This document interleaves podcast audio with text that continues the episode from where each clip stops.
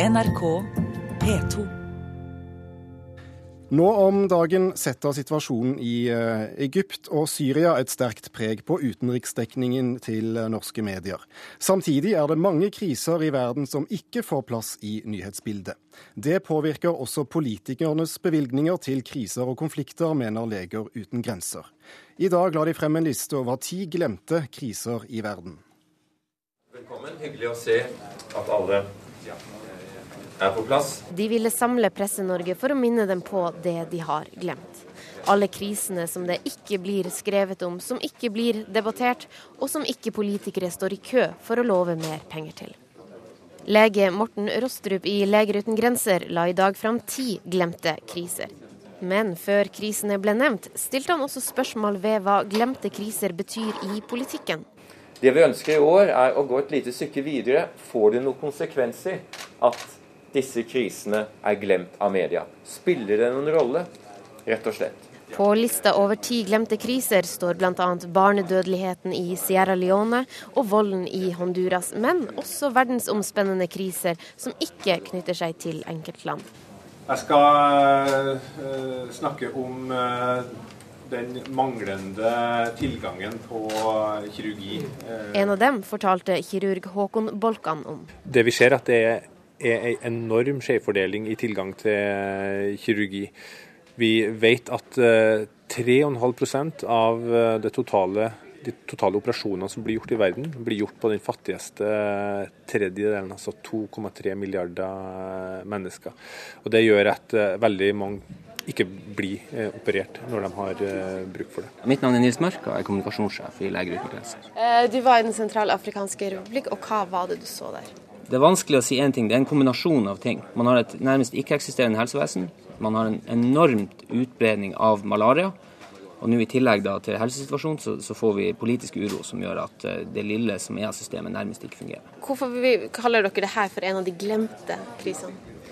Det er nærmest ingen mediedekning eh, om, om den krisen som skjer i det landet. Det er også svært liten kunnskap og kjennskap blant folk flest, og, og, og, som vi tror da delvis med et resultat, så er det svært liten politisk oppmerksomhet om den krisen blant, blant våre norske politikere, og også globalt.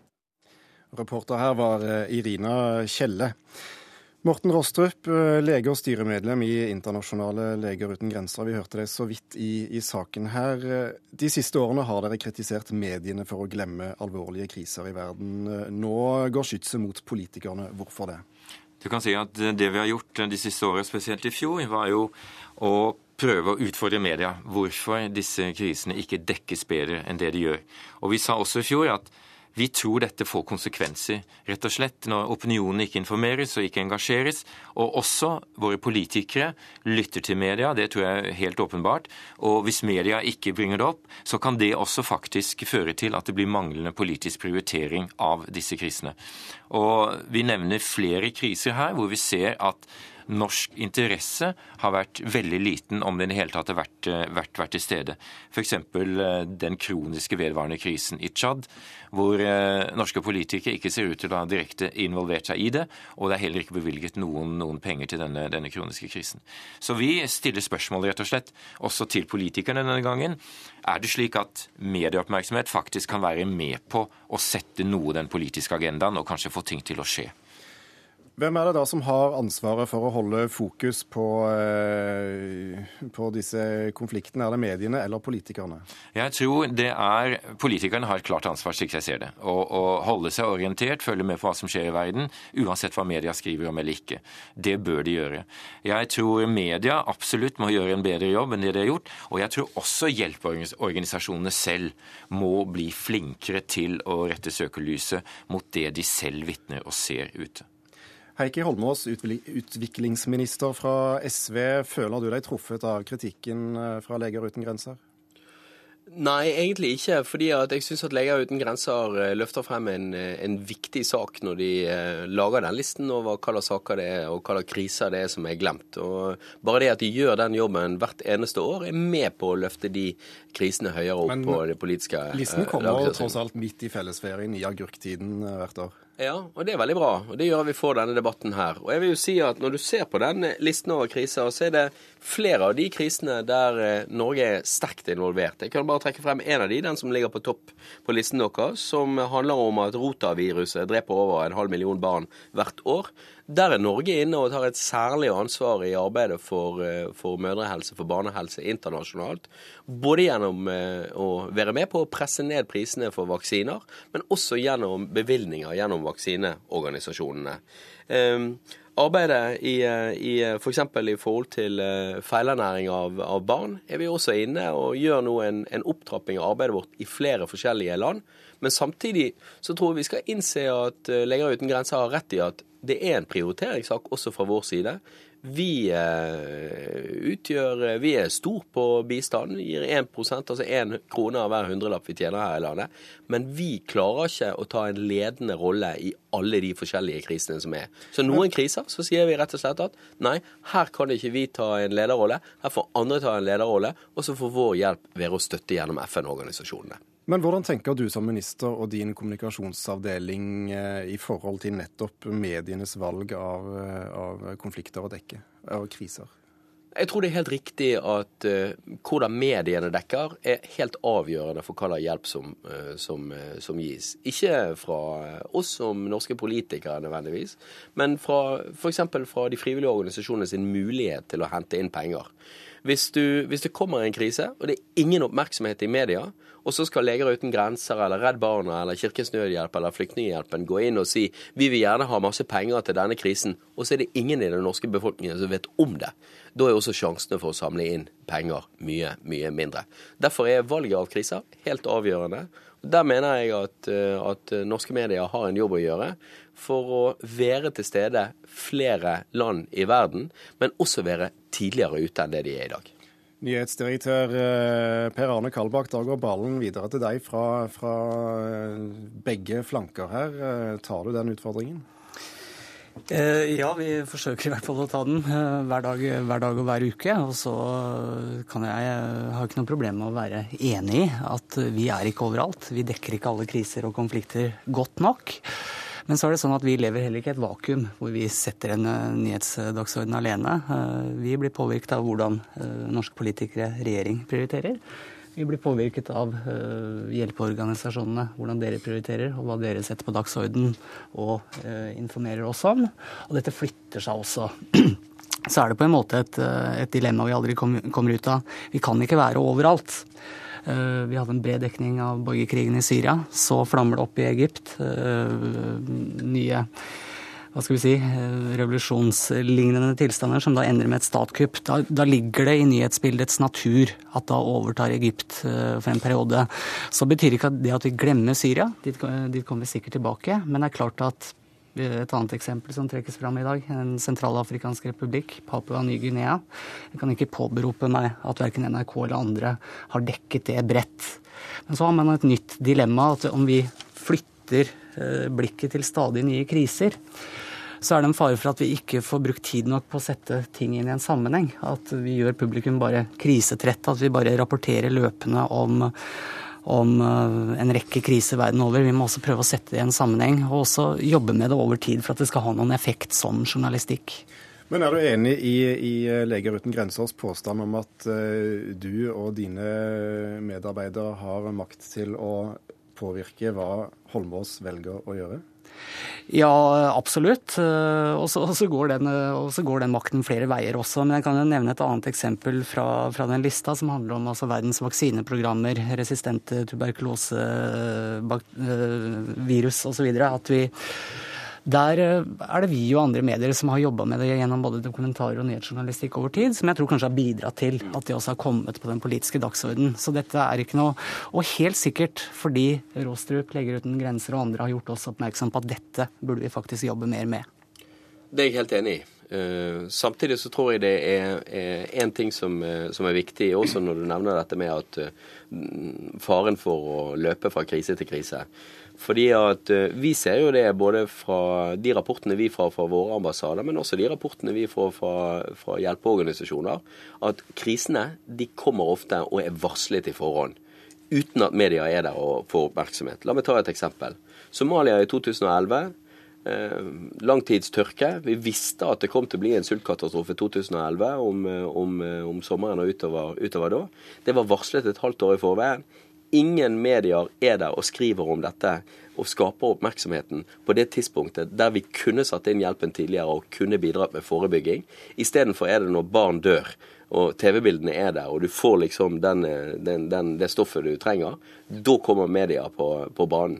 Og Sånn sett så, så, vil jeg si at en viktig del av den jobben vi gjør innenfor den langsiktige arbeidet med bistand og utviklingshjelp, nemlig å være der og prøve å forebygge den neste krisen, selv om det ikke er så mye oppmerksomhet rundt det, er viktig, og derfor er det også det som utgjør den største delen av bistandsbudsjettet. 90% omtrent av, av det samlede budsjettet. Men, ja, når, når, vi ser det, det er vel og bra den langsiktige bistanden, det er 90 eh, som du sier. Det er 10% som vi har vært spesielt opptatt av. Det er disse kanskje ikke bare akutte kriser, men, men kronisk vedvarende kriser. Det jeg lurer på, det er Du sier dere prioriterer, men hvordan prioriterer dere? Hvis man ser stortingsmelding 40, så går det helt klart fram der når det gjelder humanitær bistand, så er det behovene som skal bestemme innsatsnivå og hvor man går inn. Og jeg har en følelse av at det nødvendigvis ikke alltid er tilfellet. Fordi hvis man ser på behovene, og det er det vi gjør, når vi ser klare, store behov i Tsjad f.eks., så har det ikke vært noen norsk interesse for dette. Sentralafrikansk republikk i, i veldig begrenset grad. Du sier mødredødelighet eh, og barn. Dette er et viktig prioriteringsområde. Jeg må si at Norge har gjort veldig mye bra når det gjelder en god del global helse. Vaksine var nevnt. Det er andre, andre ting med vaksiner vi kunne ta, ta, ta, og diskutere. Men hvis du går på Sierra Leone f.eks., som har den høyeste barnedødelighet i verden, så er det veldig beskjedent hva Norge egentlig bidrar med der. Selv om det egentlig har en politisk prioritet. Så jeg lurer på hva er det som skjer inni hodet på dere politikere, hvordan dere virkelig prioriterer når, når dere står overfor disse ekstreme humanitære problemene. Vi skal høre med, med Rune Ottosen, professor i journalistikk ved Høgskolen i, i eh, Oslo og, og, Akershus. Hva tror du foregår inni disse hodene? Eh, det er jo vanskelig uten medisinsk eh, ja, Vanskelig å si helt presis. Men, med norsk men, du, utenriksdekning? På det generelle plan må jeg si at dette eh, gjenspeiler jo egentlig de strukturelle maktforholdene i verden. Altså nyhetsstrømmene, de store nyhetsmediene, gjenspeiler globale maktforhold. Og Derfor er det ikke tilfeldig at vi får hovedoppslag om togulykke i Canada og Eh, flyulykke i San Francisco med i den store sammenheng relativt beskjedne dødsofre i forhold til Sierra Leones barn og sykdom i Mali. Der er ikke eh, makten, og der er det ikke maktinteresser knyttet direkte til. Og politikere tenker makt. Eh, og eh, nå er det riktignok delte meninger blant både beslutningstakere i mediene og i det politiske miljøet hvor mye makt Eh, mediene faktisk har. Eh, Henrik Thunes doktoravhandling tar jo opp dette. og Der er det jo slik at eh, politiske beslutningstagere tillegger mediene kjempemakt mektige aktører i mediene syns de har veldig liten makt. Det er renspeilet i og for seg det Kavak sier her også nå. Så at der er det litt sånn forventningsulikhet også. Så kan man jo si at hvis man ser mer eh, langsiktig forskning som eh, maktutredning, så er det ikke tvil om at mediene har en dagsordenfunksjon. Men hvordan den skjer i et samspill mellom politikere og, og, medier, det er ganske komplekse ting. Men det, er det som i hvert fall er helt sikkert, er at eh, de som Leger uten grenser representerer, de har jo ikke eh, tunge interesser verden i verdens metropoler, i økonomiske interesser som er knyttet til olje, strategiske interesser, norske politikere som tenker antagelig med de landene Norge har bistand. Det er norske interesser, norske vinkelen, som i stor grad vil, vil, bestemme norske mediers prioritering. Og også politikerne. Der tror jeg de er ganske enige. Eh, sosiale medier. Der kan publikum eh, i stor grad eh, gjøre kjent sine egne eh, interesser i, i, i den anledning. Hvilken rolle vil, vil det få fremover, tror du, i forhold til maktfordelingen vi nå snakker om? Jeg tror at sosiale medier har uh, en enorm betydning for å spre kunnskap altså, i internett, også, også, om disse landene. Det er jo den gode siden med den globale medieutviklingen. Altså, Du kan få massiv informasjon fra Mali og Sierra Leone veldig kort tilgjengelig også for journalister. Eh, sånn at det er der og lett inn igjen. Det er et gode. Sosiale medier har en mobiliseringseffekt til en viss grad. Jeg tror at det som skjer i Egypt nå f.eks., viser at her er det ikke noe enten-eller. Eh, til syvende og sist er det eh, mennesker på gaten, militære på gaten, som avgjør. Men i forkant kan sosiale medier spille en, rolle. Og nettopp fordi vi ikke her snakker om storpolitikk, men eh, små røster i periferien, så vil vel heller ikke de komme opp på agendaen i, i, sosiale medier, bortsett fra selvfølgelig at Leger uten grenser, som har sin agenda og fortjenestefullt nok vil eh, gi oss oppmerksomhet, kan også bruke sosiale medier. Men jeg er helt sikker på at de vil være enige med meg om at eh, det spiller ikke så veldig stor rolle eh, om du har eh, 10 eh, 000 likes, hvis du ikke kommer hit i radioen og fjernsyn og får snakket med folk direkte. Det er tross alt spesielt fjernsynet som er global målestokk, den som setter dagsorden fortsatt. Tiden løper dessverre fra oss, men eh, veldig kort eh, helt til slutt. Morten Rostrup, kommer det en slik liste fra Leger uten grenser neste sommer også? Det regner jeg med, helt sikkert. Jeg tror ikke at eh, situasjonen er endret totalt. Jeg tror ikke at krisene fortsatt ikke vil være glemt, mange av dem, neste år. Kort kommentar fra Holmås til slutt. Ja, og det syns jeg er veldig, veldig bra. Og så skal vi fortsette å gjøre den jobben eh, med, med de norske bistandspengene og sette inn trykket etter der behovene er størst, og etter der vi har spesielle forutsetninger. Men eh, vi skal eh, være så ærlige å si at det vil være de internasjonale organisasjonene og de internasjonale kanalene som vil være det hovedgrepet, altså de vi vil bruke for å bidra til å løse verdens kriser og forebygge neste katastrofe. Og det blir mer om denne saken i eh, Dagsnytt 18 her på kanalen klokken 18. Takk til Heikki Holmås, Morten Rostrup, Per Arne Kalbakk og Rune Ottersen. Hør flere podkaster på nrk.no podkast.